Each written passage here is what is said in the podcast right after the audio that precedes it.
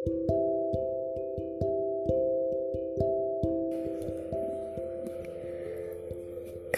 ini saya mau bercerita tentang perasaan kehilangan yang terakhir kali saya rasakan. Hmm, merasa kehilangan sering sekali saya alami. Kalau ditanya udah pernah berapa kali, jawabannya saya nggak tahu. Mungkin bisa dibilang banyak, atau cuman sedikit?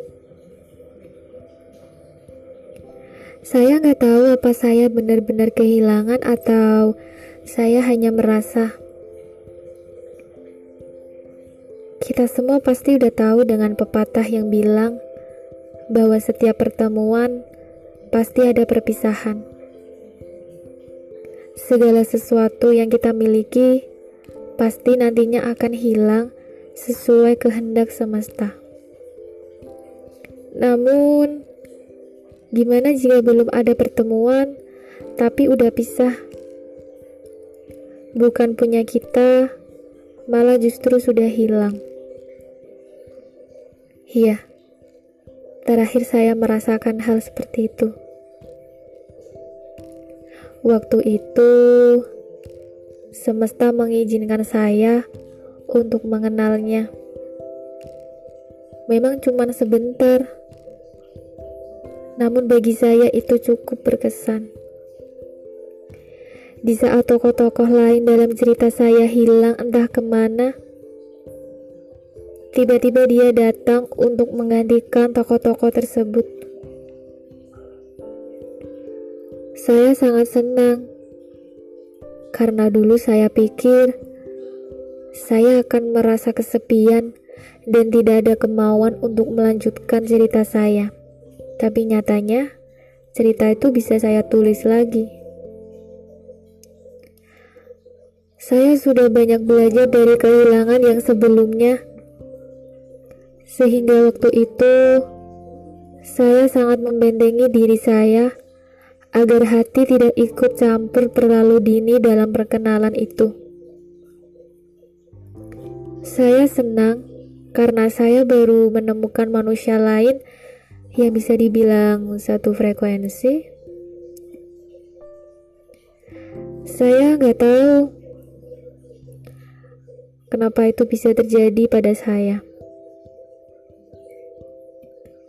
Saya bisa menjadi diri saya sendiri saat itu tanpa ada yang ditutup-tutupin maupun dibaik-baikin ya mengalir saja gitu.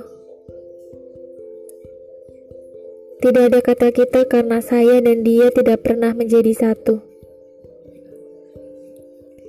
Saya sangat senang dan suka rela mendengarkan cerita dari dia. Iya, apa pun ceritanya saya sangat antusias. Ya, saya juga sering kok membagi cerita saya sama dia. Mungkin lebih sering saya sih yang bercerita. Sampai saya sering tanya sama dia, apakah dia bosan mendengarkan cerita saya? Tapi jawabannya tidak. Saya sama dia sering bertukar pendapat. Kalau boleh jujur, saya yang memulainya. Karena saya nggak mau kehilangan momen untuk berkomunikasi sama dia dan lama-kelamaan kata peduli telah masuk dalam perkenalan itu. Iya, saya peduli sama dia. Walau dia mungkin gak pernah peduli sama saya. Apa saya nyaman sama dia? Jawabannya iya. Saya salah satu manusia yang gampang beradaptasi selama manusia itu tidak berbuat jahat kepada saya. Saya juga nggak tahu apakah jawaban dia sama seperti saya.